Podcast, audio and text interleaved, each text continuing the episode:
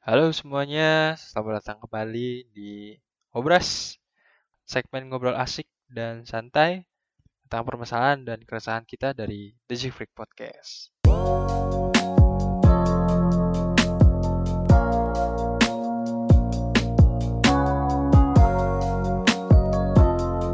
Uh, podcast kali ini seperti biasa bisa kalian dengerin sambil kalian ngelakuin aktivitas yang lain. Tinggal di aja podcastnya dan kalian bisa lanjutin aktivitas yang sedang kalian lakukan. Tahun pertama, karena gue merekam ini di tanggal 4 Mei 2020 dan dua hari sebelumnya itu ada Hari Pendidikan Nasional, jadi gue mengucapkan Selamat Hari Pendidikan Nasional untuk Indonesia. Semoga ke depannya pendidikan di Indonesia bisa menciptakan generasi masa depan Indonesia yang lebih cemerlang lagi.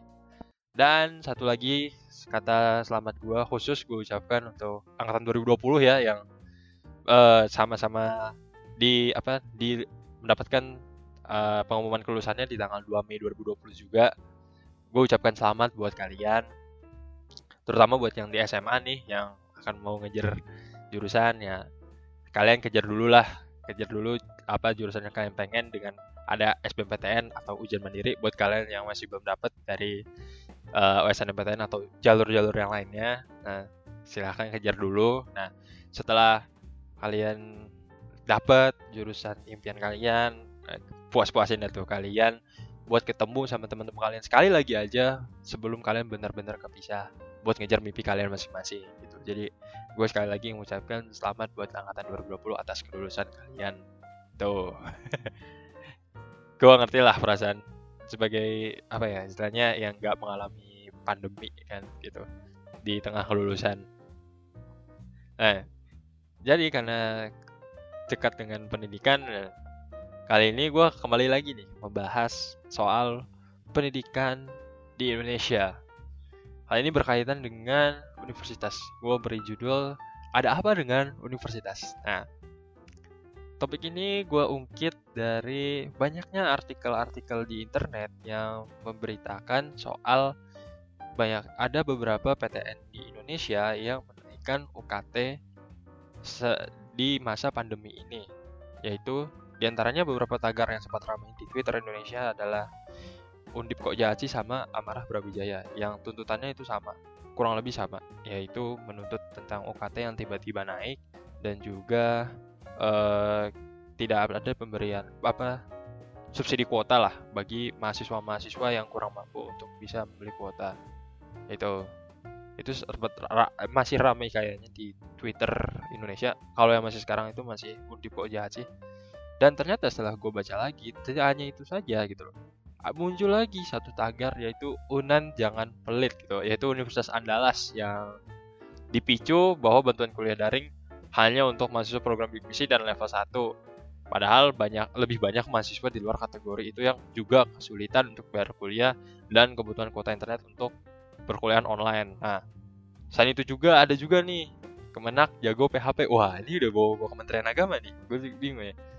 Yaitu uh, diketahui kalau Direktur Perguruan Tinggi Kemenak mengeluarkan surat edaran pada 8 April lalu menyarankan adanya pengurangan UKT mahasiswa PTKN atau Politeknik Politeknik apa ya gue lupa pokoknya Islaman gitu lah membantu mengatasi krisis ekonomi masyarakat di tengah pandemi corona tapi pada 20 April kemarin Kemenak kembali mengeluarkan surat yang berisikan adanya potongan anggaran dari kementerian sebesar 2 mil 2 apa nih 2 triliun 2 triliun 20 miliar banyak yang protes ini tuh berujung ke petisi nih ada petisi yaitu anak COVID-19 bebaskan biaya kuliah dan tugas akhir mahasiswa semester akhir. Waduh.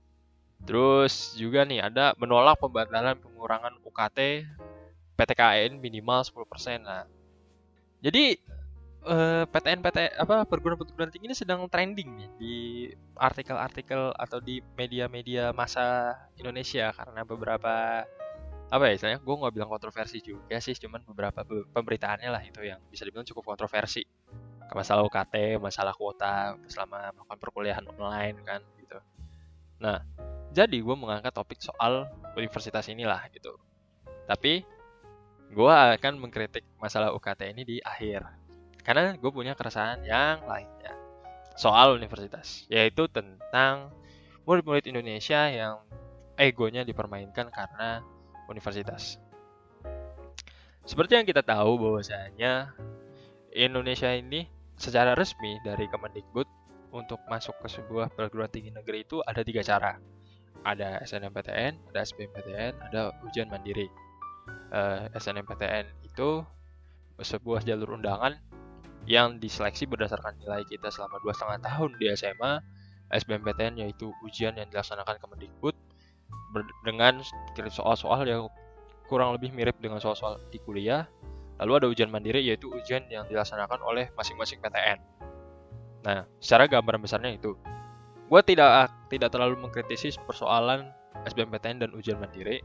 Mungkin akan gue kritisi tapi di akhir juga bersama dengan masalah isu UKT ini. Tapi yang lebih ingin gue kritisi itu adalah soal sistem SNMPTN. Di mana sistem SNMPTN ini itu berdasarkan nilai anak-anak SMA selama dua setengah tahun kita menempuh pendidikan di SMA. Dan ternyata masih ada faktor-faktor lain di mana uh, yang mempengaruhi seorang itu bisa diterima di SNMPTN atau tidak gitu. Salah satu yang paling dominan itu adalah masalah daerah. Jadi gini, ada sebuah dilema di mana ketika murid-murid di Indonesia itu sudah tahu nih masuk ke kuota SNMPTN dan bingung mau milih universitas yang mana. Setelah gue lihat-lihat lagi di web SNMPTN, ternyata kalau misalkan gue buka ya, gue misalkan buka di Universitas Indonesia dan di situ di, dikasih lihat tuh berapa yang diterima tahun lalu masuk ke SNMPTN tahun lalu ternyata yang justru lebih paling dominan itu ya daerah-daerah yang di dekat sama PTN tersebut gitu loh. Semisal di Universitas Indonesia nih, kan paling dekat tuh UI itu ada di eh, Jakarta atau di Bogor. Bogor itu kan masuk ke provinsi Jawa Barat, Depok. Akhirnya masih eh mas murid-murid yang diterima jadi mahasiswa baru melalui jalur SNMPTN itu yang dominan nih dari sana gitu. Selama lima tahun berturut-turut itu kejadian berlaku gitu. Dari dari tahun 2015 sampai tahun 2019 datanya ini ada di web SNMPTN itu dominan sekali kalau mahasiswa-mahasiswa mahasiswa-mahasiswa baru yang diterima itu ya murid-murid SMA yang ada di daerah paling dekat sama univ ya. Kalau misalkan gue buka di IPB Institut Pertanian Bogor yang domisilinya itu ada di uh, Jawa Barat, ya kita bisa lihat juga selama lima tahun berturut-turut juga loh. Sama, sama Jawa Barat tetap masih jadi paling dominan. Kalau juga di ITB, ITB, ITB yang kurang lebih sama juga kayak IPB yang domisilinya di Jawa Barat ya sama tetap intinya adalah intinya SNMPTN ini tuh seakan memberikan keuntungan sedikit keuntungan lebih bagi orang-orang yang domisilinya sama. Kayak wilayah di mana PTN itu ada. Ya kalau misalkan misalkan lu orang Jakarta lu masuk ke UI lu akan lebih diuntungkan gitu loh. Dibandingkan lu masuk ke ITB gitu loh. Ketika lu mau ketika lu ada di Jawa Barat ya lu lebih diuntungkan untuk masuk ke PTN-PTN yang ada di Jawa Barat. Kalau lu Jogja ataupun Jawa Tengah yang ada di sekitaran sana di Jawa Timur sama gitu loh jadi ada sebuah apa ya kalau gue berani bilang ada sedikit ketidak apa ya ketidakadilan gitu loh dari bagi murid-murid di luar Pulau Jawa kenapa karena kan rata-rata ya rata-rata rata-rata PTN bagus itu kan ada di Pulau Jawa. Jawa adalah kunci. Wah.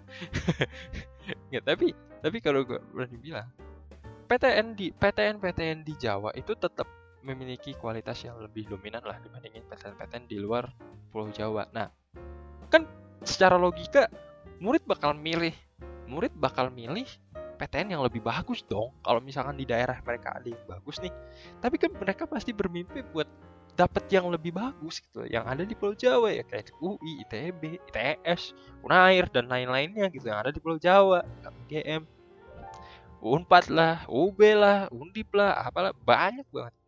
Tapi karena adanya sistem SNMPTN ini juga yang meng, apa ya mendominankan anak-anak mahasiswa barunya ini dari daerah di mana domisilinya mereka, ya kan ya kan kasihan gitu loh orang yang memang udah memang sebetulnya punya kualitas bagus di luar Pulau Jawa tapi nggak diterima karena adanya domisili gitu loh akhirnya ya mereka ya balik-balik lagi ke daerah mereka daerah mereka lagi daerah mereka dan nggak dapet nggak dapet apa yang mereka pengen gitu loh. Sebenarnya gue miris juga gitu ngeliat ini. Dan yang kedua yang kedua sebetulnya gue masih logis buat masuk ke alasan kenapa sistem penerimaannya tuh kayak gitu. Yaitu masalah kualitas alumni. Bener dong. Bener lah. Kualitas alumni kualitas alumni dari sekolah lu pasti akan dilihat persoalan kayak uh, gimana nih? Alumni lu bagus nggak? Gitu. Kalau misalkan alumni lu ternyata nggak bagus ya ngapain gue terima lagi? Mending gue ngambil coba ngambil dari alumni sekolah lain yang memang lebih bagus gitu. Kuotanya gue lebihin. Mas secara secara logika bener. Masuk akal. Tapi pilihannya akan kembali lagi ke di mana gitu loh. Pihak pihak univ tuh nggak akan jauh-jauh mikir kayak ngapain gue terima yang di luar kalau misalkan yang di dalam aja tuh banyak gitu. Akhirnya muncul sebuah mindset kayak gitu menurut gua. Yang bisa saja menimbulkan ketidakadilan bagi mahasiswa eh calon-calon mahasiswa di luar Pulau Jawa. Yang ah akhirnya ngebuat uh, mereka harus berjuang ekstra lagi di SBMPTN buat masuk ke PTN-PTN yang ada di Jawa gitu. Karena di SBMPTN itu nggak ada masalah daerah. Bukan masalah daerahnya tapi masalah nilai lu karena kan ujian gitu. Itu udah salah satu yang paling salah satu apa ya hal yang cukup miris juga gitu loh terbentuk karena sistem SNMPTN yang gue nggak berani bilang karena dominannya dominansi di putra daerah ya. Cuman itu tadi putra daerah atau ya putra daerah itu sedikit diuntungkan gitu loh. Karena adanya SNMPTN ini ya dengan lu pilih eh, gimana ya gimana ya kalau misalkan lu dikasih pilihan nih, lu misalkan di Jakarta, lu dikasih pilihan antara ITB atau UI dengan lu dikasih probabilitas lebih bagus di UI, ya pasti lu lu akan memilih aman gitu loh. Akhirnya, akhirnya, akhirnya adalah lu nggak punya sifat untuk berani ngambil resiko. Akhirnya lu, lu hanya terpaku untuk bermain aman aja supaya lu bisa keterima. Ya secara logika deh, secara logika, gue kasih pilih, gue kayak ini banyak kasus terjadi. Kalau misalkan ditanya sama orang kalau misalkan gua tanya nih kenapa kenapa lu lebih milih uh, suatu jurusan yang ada di domisili daerah lu dibandingin yang di luar domisili itu? Ya karena itu. Mereka takut. Mereka takut.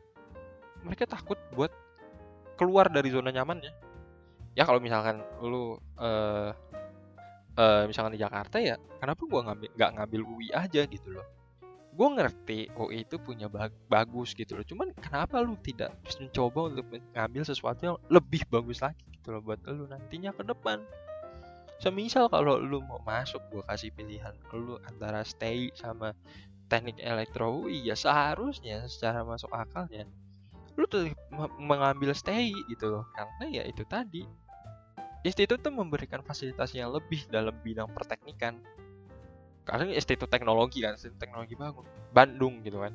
Jadi lu tuh lebih seharusnya mengambil stay karena lu akan diuntungkan dengan fasilitas-fasilitas yang lebih lengkap di dalam. Tapi ya karena lu takut lu nggak diterima akhirnya lu memilih yang aman-aman aja gitu loh di teknik elektro ya maksud gue adalah it's okay nggak apa-apa. Cuman mau sampai kapan lu mau di aman-aman aja?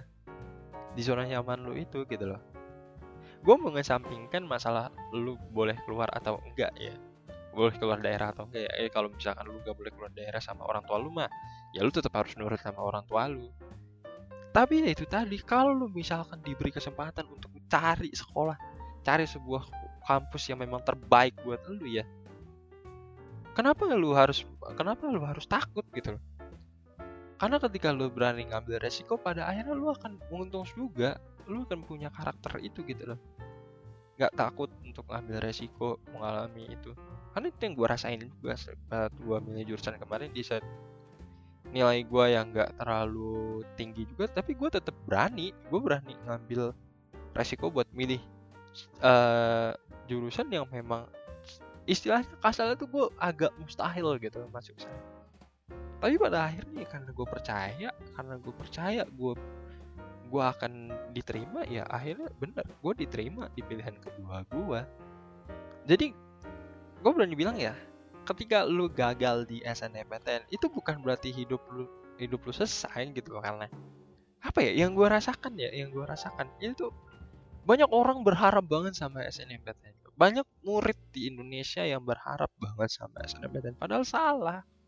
Kalau lu mau cari seberapa bagus kualitas lu untuk masuk ke kampus itu ya lu harus ikut ujian-ujiannya kecuali ujian mandiri ya makanya UTBK ya. Ya itu kan gak dilihat gitu. Cuman kalau lo mau cari tahu seberapa kualitas lu untuk masuk seberapa layak lu masuk ke jurusan yang lo pengen ya lu lebih lebih bagus ikut SBMPTN gitu. Dan apa ya?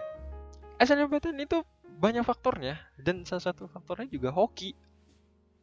Gitu loh. Karena nggak jarang juga teman-teman lu yang peringkatnya ada di bawah lu saat seleksi di sekolah keterima. Ya karena ya itu tadi gitu ada faktor X mempengaruhinya yaitu keberuntungan juga. Jadi buat kalian nih yang masih kelas 11 atau masih kelas 10 kalian nggak apa-apa buat kejar SNMPTN gitu. Ya kesempatannya masih besar gitu kan masih. Gue tuh buat yang mau masuk SMA nih yang masih SMP kelas 9 yang baru mau masuk SMA gitu kan. Nggak apa-apa. Kalian ke jurusan SNMPTN dulu gitu. Ya apa salahnya kan gitu loh. Lu mengejar sesuatu yang bisa menguntungkan lu ke depannya daripada lu harus mati-matian berjuang lagi ya nggak apa-apa. Karena lu masih sanggup gitu ketika lu udah masuk ke kelas 12 kelas 12 semester 1 dan lu udah tahu ada di peringkat berapa, lu udah harus bisa dewasa di situ. Lu boleh, lu bisa melakukan usaha terakhir lu untuk bisa dapat kuota di SNMPTN.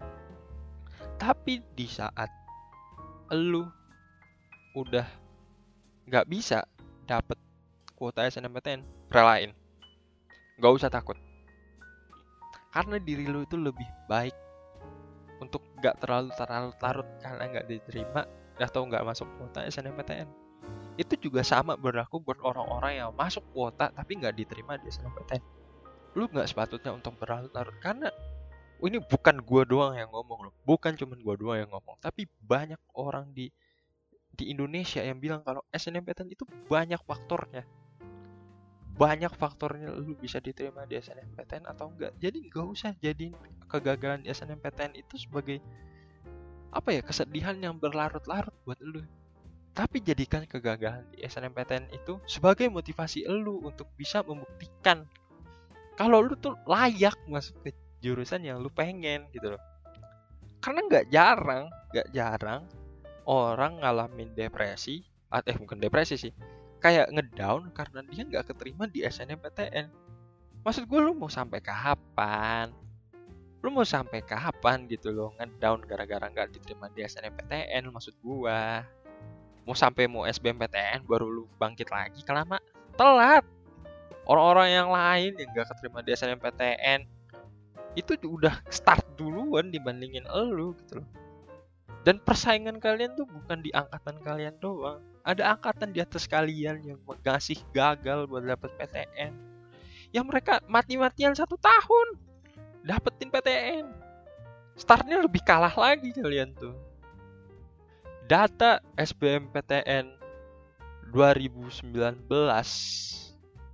menyatakan kalau jumlah pesertanya itu ada 700.400 714.652 orang anak dan yang diterima cuman 168.742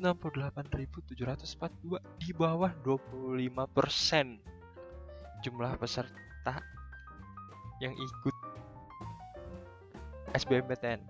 Dan kalau lu startnya telat, ya lu mau gimana bersaing sama orang-orang yang startnya duluan? Kecuali kalau lu emang pinter gitu kan. Ya gue nggak mempermasalahkan itu. Cuman kalau buat lu nih yang kelamaan ngedown gara-gara nggak terima di SNMPTN ya lu pikir ulang lagi deh gitu loh.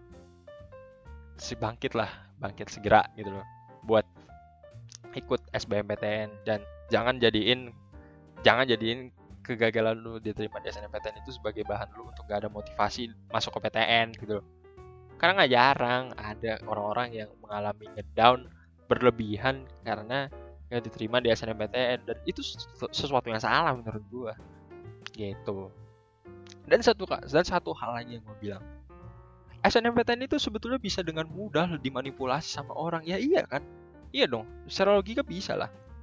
Dengan SNMPTN berdasarkan nilai lu selama dua setengah tahun ya orang bisa dengan mudahnya masuk ke SNMPTN dengan dapat nilai bagus terus-terusan kan tapi apakah orang-orang yang dapat nilai bagus terus-terusan itu adalah orang yang layak apakah orang-orang yang masuk SNMPTN adalah orang-orang yang layak belum tentu.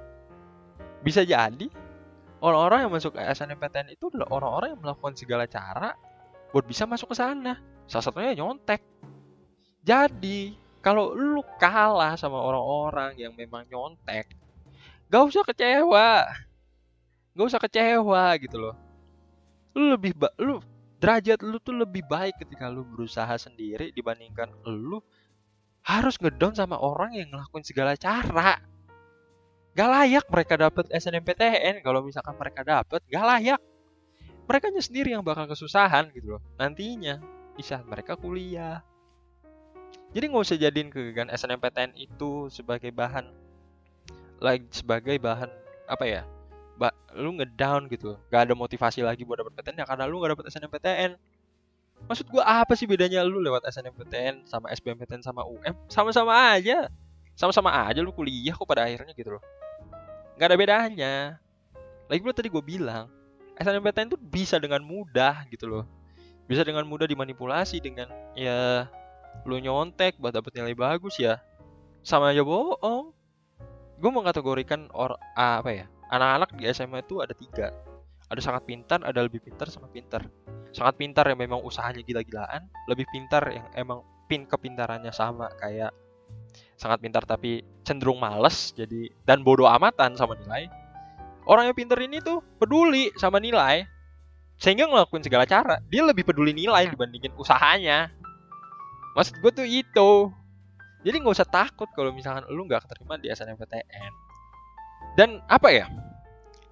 Kalau gue lihat-lihat lagi sekarang tuh murid Indonesia tuh memilih PTN bukan karena dia mau nuntut ilmu tapi seberapa tinggi pride yang dia dapat kalau masuk ke PTN itu.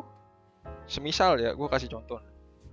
Mungkin buat orang Jakarta doang sih ya gue nggak tahu sih ini berlaku di setiap daerah atau enggak ya. Cuman kalau gue punya kecenderungan di Jakarta ketika lu dikasih pilihan antara UI ITB sama UGM pasti anak Jakarta milih UI ketika lu dikasih pilihan lu lebih cenderung buat milih teknik UI atau teknik ITB dia milih teknik UI kalau di Jakarta. Gue nggak tahu gue nggak menjustifikasi semua daerah kayak gini. Nggak gue nggak menjustifikasi semuanya kayak gini. Cuman kalau di Jakarta tuh kayak gitu.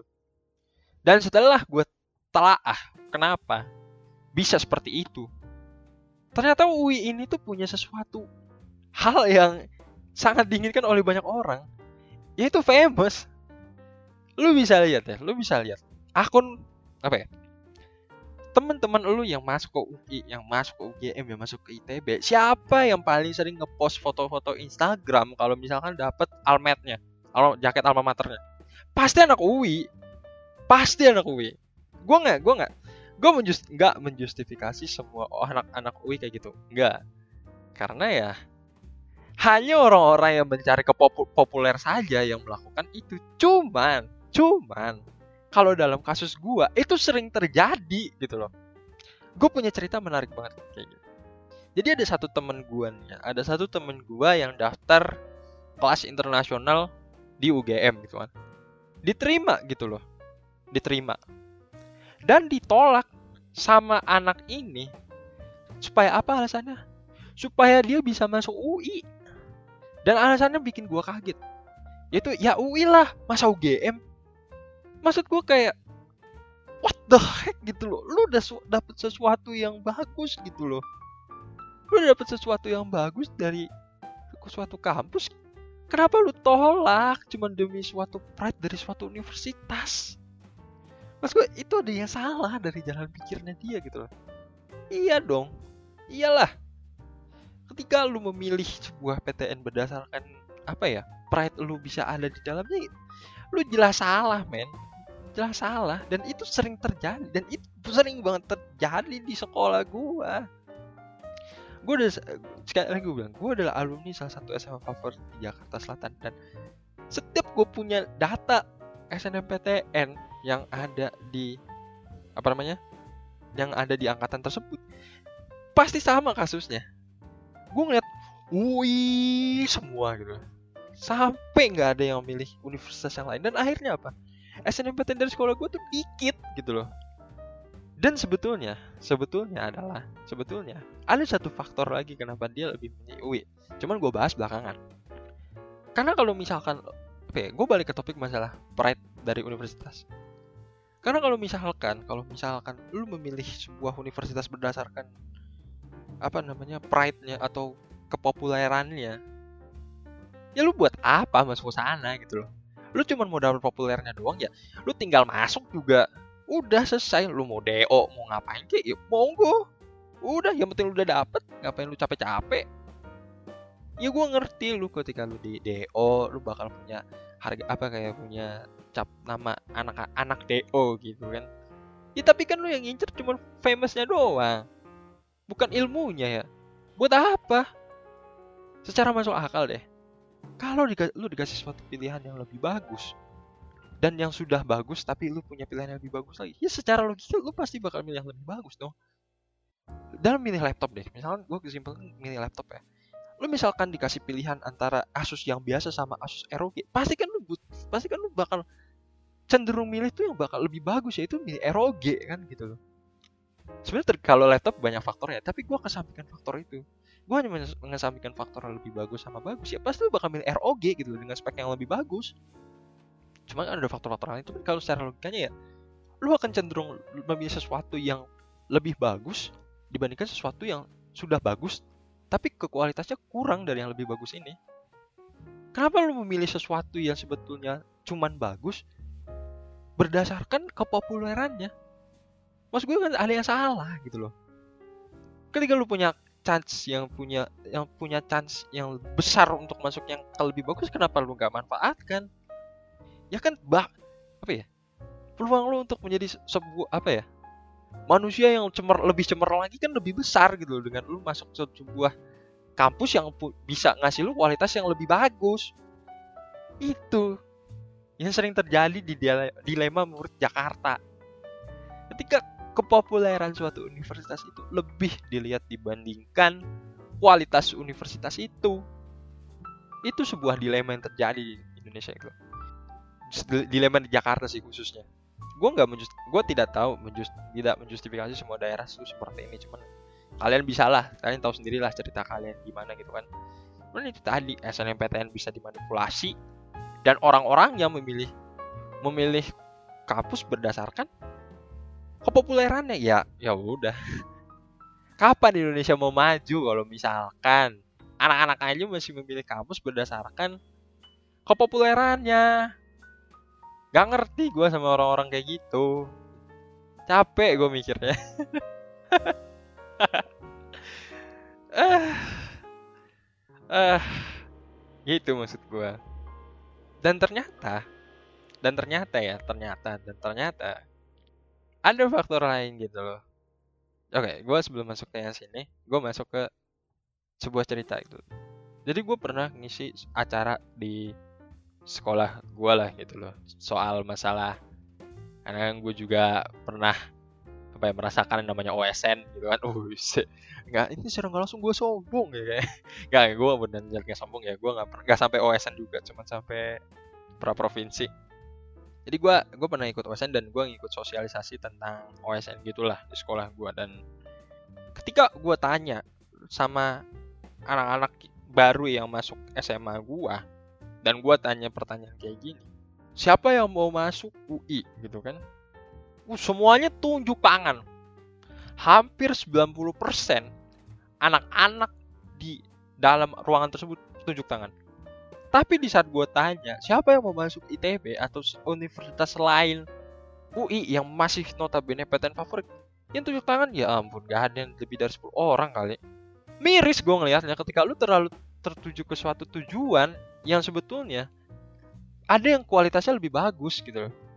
ya gue bukan yang mengkritik mereka ya ya lu nggak apa-apa gitu loh. Kalau misalkan lu memilih FK yang di UI ya jelas dong siapa yang nggak mau masuk fakultas kedokteran UI bagi yang lu pada yang mau kedokteran? Tapi itu mengakibatkan lu tuh terlalu fokus ke suatu tujuan. Itu terlalu fokus ke fakultas kedokteran UI sampai lu melupakan bahwa ada alternatif lain. Fakultas kedokteran di universitas lain kan nggak kalah bagusnya. Dari top 10 SBMPTN tahun 2019 gue kasih tahu aja nih ya. Gue kasih tahu aja. Ada sekitar 6 not 60 persen 60 persen top 10 SBMPTN 2019 itu adalah fakultas kedokteran. Terus lu mau ngeraguin apa lagi gitu loh. Gak usah takut buat lu nggak keterima di apa ya fakultas kedokteran impian lu yaitu di UI ya. Buktinya semuanya juga fakultas kedokteran bagus-bagus aja kok. Ada enam ada lima alternatif selain UI tapi karena dia ternyata ternyata setelah ditelaah itu terlalu fokus di FKUI dan ngelupain alternatif-alternatif itu ya akhirnya dia jadi harus ngerelain gitu loh maksud gue adalah kalau lu emang benar-benar mati-matian ngejar FKUI ya lu coba dulu le lu coba dulu lah di FK universitas universitas lain setidaknya lu punya experience yang bisa lu bawa nantinya ketika lu ikut SBMPTN lagi di tahun berikutnya buat masuk FKUI. Jadinya ketika lu masuk ke FKUI lu nggak kaget gitu karena bisa jadi pelajarannya kurang lebih sama. Gitu. Karena ini ini sering banget nih terjadi di SMA gue juga kalau FK tuh mendominasi gitu kayak yang keterima padahal cuma satu atau dua orang yang keterima di FKUI tapi yang daftar 8, 9, 10 ya. Lu menyanyiakan kesempatan lu buat dapat SNMPTN gitu loh. Percuma lu ikut. Ketika lu mustahil buat dapetin itu ya ya secara logika ya secara logika. Kalau misalkan satu satu atau dua orang doang dari 10 orang yang keterima di SNMPTN berarti kan cuma satu atau dua doang yang bakal keterima. Kalau berdasarkan nilai maksud gue tuh itu. Gak masuk akal lu ngambil ngambil apa ya ngambil kesempatan di sana. Ya kenapa nggak coba di FK FK yang lain? Kalau misalkan nilai lu juga sanggup masuk sana. Capek gue gue sering sering kesal sendiri gitu loh nah khusus yang di kasus UI ini nih.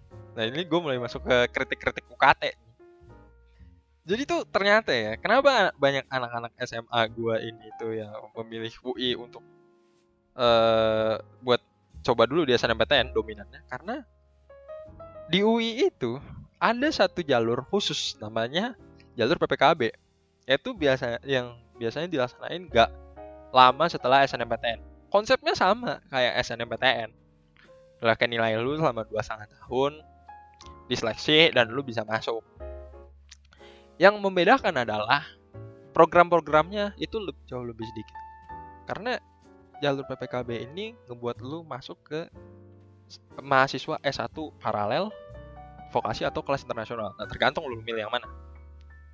Kalau vokasi kan banyak tuh di sekolah lain juga ya. Eh, sekolah lain. Salah. Di universitas lain kan banyak tuh kayak di ITS atau di IGM setahu gue ada masalah vokasi. Kelas internasional juga ada di setiap universitas tuh gue gitu. Cuman S1 paralel nih yang punya nih cuman UI doang nih. S1 paralel yang punya cuman UI doang nih. Nah, setelah gue telah-telah ternyata salah satu persyaratan buat seseorang anak itu bisa masuk ke jalur PPKB adalah kalau misalkan dia masuk kuota SNMPTN itu harus daftar UI dua-duanya gitu loh. Ya, oke okay lah, gue masih bisa terima gitu kan. Cuman yang jadi permasalahan dari PPKB ini adalah dia nggak mikir, dia nggak mikir masalah kualitas anaknya karena sering banget terjadi di PPKB itu. Mahasiswa-mahasiswa yang baru yang diterima itu ya yang gue berani bilang gak layak. Gue nggak gue takut dihujat sama anak UI tapi gue bilang ya tapi gue bilang gini banyak di sekolah gue yang nerima jalur PPKB itu adalah peringkat orang apa murid-murid yang peringkat bawah di keseluruhan anak-anak di sekolah gue nggak cuman nggak cuman di S1 paralelnya doang tapi juga berlaku ke vokasi sama kelas internasional. Maksud gue adalah, lu di sini ngapain kalau misalkan nerima anak-anak yang kualitasnya ya nggak sesuai, nggak layak gitu loh buat masuk ke univ lu. Dan setelah ditelah-telah lagi karena yang satu paralel ini punya duit pangkal ada duit pangkal ya gue bisa mengasumsikan dong. Gue nggak tahu ya ya silakan anakku yang aku sendiri lah gitu loh kan. Gue gue tidak bisa menjustifikasi kayak gini kan. Tapi sekali lagi gue bilang gue tidak menjustifikasi semua S1 paralel itu orang-orang yang nggak layak. Enggak ya lu kalau misalkan masuk S1 para eh, S1 paralel terus memang nilai lu bagus ya lu lah yang layak aja. Gue mengkritisi penerimaan UI sama mahasiswa-mahasiswa baru ini. Kalau misalkan UI mencari mahasiswa-mahasiswa yang kualitasnya kurang tapi duitnya banyak apa bedanya UI nyogok sama orang-orang itu gitu? Loh ini sama kasusnya kayak di UKT UKT UKT yang lagi naik ini yang nggak ngasih apa pun ke murid, -murid mahasiswa mahasiswanya katanya mau katanya mau bikin apa ya pendidikan merata mau menjadikan mahasiswa mahasiswa ini itu adalah generasi generasi cemerlang di masa depannya cuman kalau misalkan UKT dinaikin orang-orang yang nggak nggak mampu bayar nggak bisa ngelanjutin pendidikannya ya buat apa buat apa lu memilih orang-orang yang punya duit lebih banyak dibandingkan lu memilih orang-orang berdasarkan kualitas pendidikannya. Ini nggak jarang terjadi, sumpah. Ini nggak jarang terjadi. Maksud gue, oke okay lah. Oke, okay, dalam beberapa kasus emang UI ini tuh memilih orang-orang yang memang layak gitu loh, emang yang peringkatnya di atas juga kan. Maksud gue kan berdasarkan kayak apa ya pemeringkatan peringkatan juga kan. Nih siapa yang di nomor satu di sini, nomor dua di sini, nomor tiga di sini. Cuma masuk maksud gua nih, maksud gua. Ya kalau misalkan di peringkat paralel paling bawah terus nyari aman, balik lagi nih ke jurusan yang nyari aman demi PTN. Ya buat apa, bapak-bapak, ibu-ibu sekalian?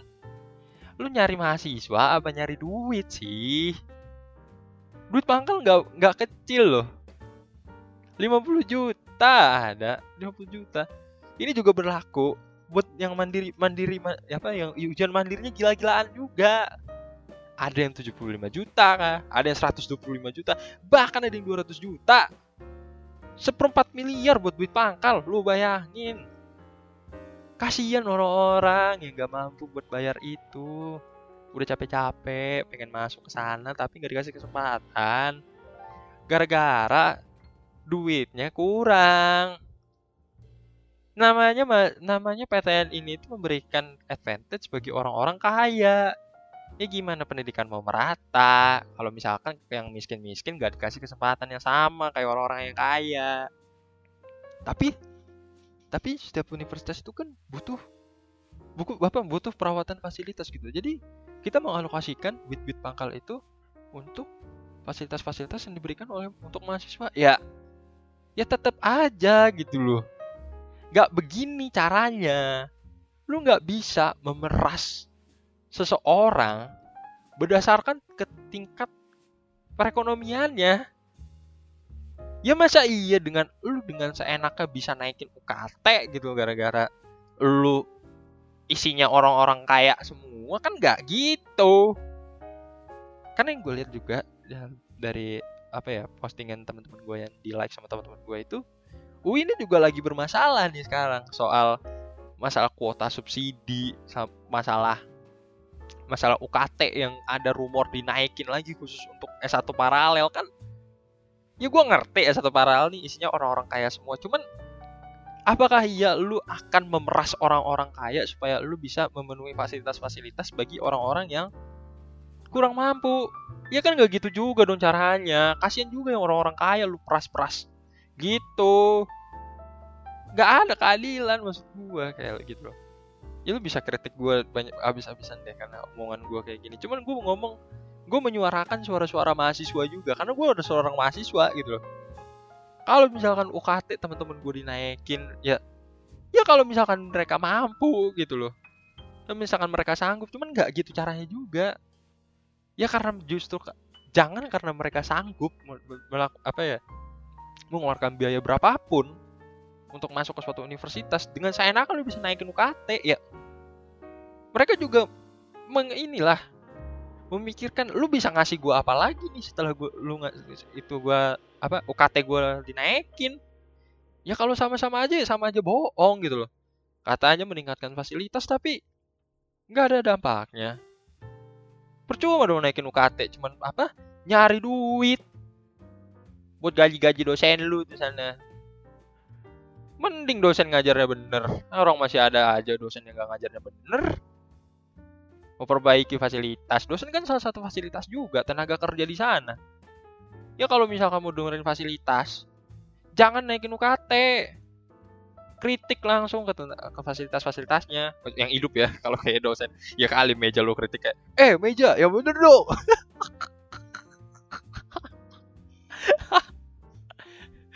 Kan nggak gitu caranya. Maksud gue ada dosen itu kan ada salah satu fasilitas di universitas gitu ya kalau lu malakin atau apa ya memeras orang-orang kaya cuman buat apa namanya eh apa mem, biaya fasilitas itu biaya perbaikan fasilitas ya nggak gitu juga caranya maksud gua gitu loh. Terus kalau misalkan memang fasilitasnya ternyata tetap nggak adil antara mahasiswa yang bayar lebih sama mahasiswa yang nggak bayar lebih ya percuma juga dong. Karena kan apa ya PTN ini nih tetap jadi salah satu masalah gitu loh selain murid-muridnya yang sempit pilihannya karena ada ada masalah domisili daerah di SNMPTN terus juga ber, ber, memilih berdasarkan populeran terus juga OKT yang bisa saya enak dinaikin.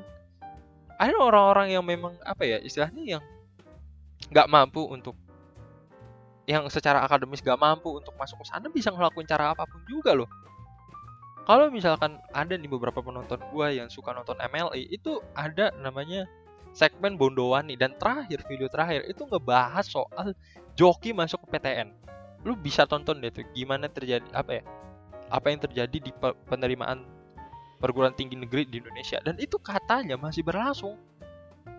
Walaupun dan itu ada oknumnya loh ada oknum yang diwawancara secara langsung gitu maksud gue ya kalau misalkan duit dijadikan suatu bahan lu untuk masuk ke suatu perguruan tinggi ya mau sampai kapan lu mau Indonesia sebentar lagi hancur gara-gara semuanya diuangkan Kapan Indonesia mau nemu generasi cemerlangnya kalau misalkan duit masih dijadikan patokan?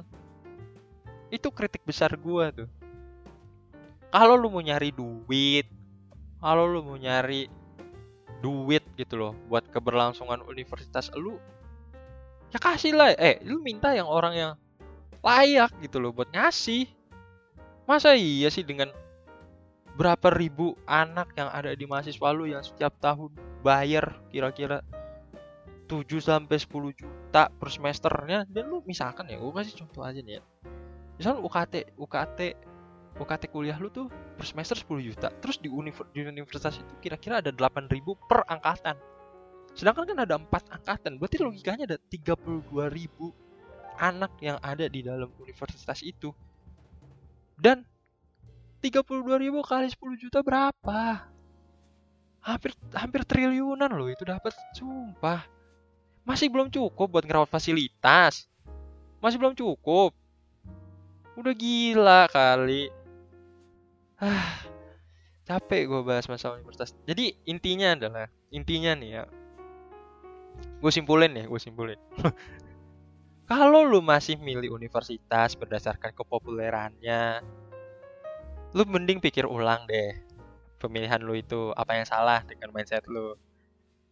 Karena nggak sepatutnya lu memilih berdasarkan kepopulerannya, tapi pilihlah berdasarkan apa yang bisa dikasih universitas kepada lu. Terus juga nih, buat orang-orang dari apa ya istilahnya apa ya buat setiap universitas nih, gue kasih tahu aja nih. Orang yang ada di universitas lu tuh nggak semuanya orang kaya. Mentang-mentang PTN favorit dan biasanya favorit itu isinya orang-orang kaya, lu nggak bisa seenaknya bisa naikin UKT juga. Nggak masuk akal tiba-tiba UKT lu naik tanpa ada alasan yang jelas gitu loh. Itu. Kedua. Yang ketiga kalau lu mau naikin UKT kasih fasilitas yang sama juga jangan lu bisa naikin UKT tapi fasilitasnya nggak sama kayak yang lu terima. So sendiri gua. Itu. Dan yang terempat adalah mungkin ini adalah saran terakhir gue adalah buat Kemendikbud kalau misalkan ada orang Kemendikbud yang dengerin ini ya. Coba lu kaji ulang lagi lah masalah sistem SNMPTN ini lah. Menurut gua ya dengan lu mempergunakan nilai sebagai landasan lu memilih anak-anak yang layak masuk atau enggak itu bisa dengan mudahnya dimanipulasi. Menurut gua, menurut gua aja nih ya, menurut gua lu lebih baik mensurvei secara langsung anak-anak yang ada di sekolah itu kayak gimana. Karena guru guru itu juga bisa dijadikan patokan lu membuat keputusan layak atau enggak ini.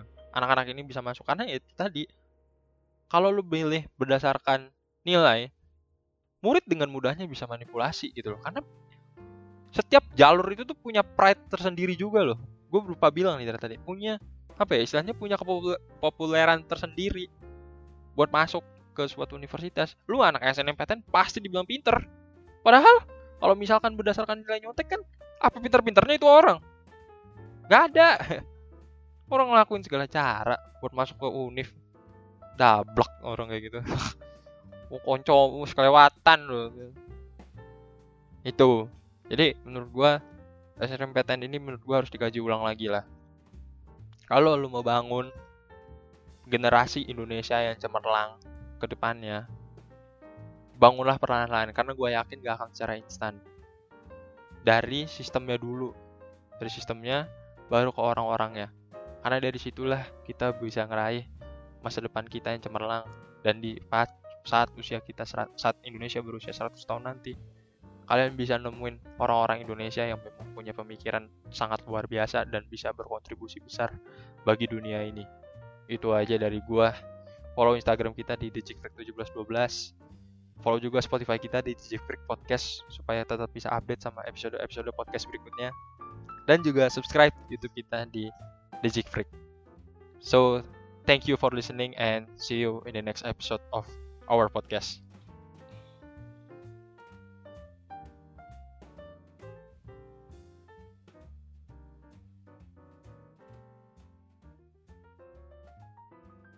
Gua ada satu cerita ketinggalan tadi.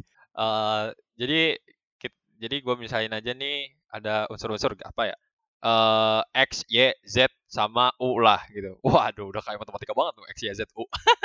Jadi ini jadi uh, Y ini cerita ke X. X cerita rame-rame, ada gua juga kebetulan.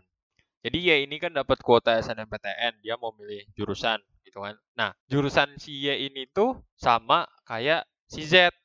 Terus si Y ini cerita ke X sampai nunjukin bukti chatnya gitu kan ke si X nih. Si teman-temannya Z ini tuh pada neror si Y buat ganti jurusan. Maksud gua kayak yang bener lu. Lah kan sih ya mau di situ. Masa lu suruh ganti jurusan gara-gara sama itu udah resiko lu buat apa? Coba seriously gitu loh. Sampai sampai diteror buat ganti jurusan biar yang temennya dapat kayak ah akhirnya ngalah tuh si Ye ganti jurusan nggak dapet SNMPTN terus dia daftar lagi di PPKB kan sama nih lagi sama si U di kebetulan Z sama U ini tuh satu circle, satu circle.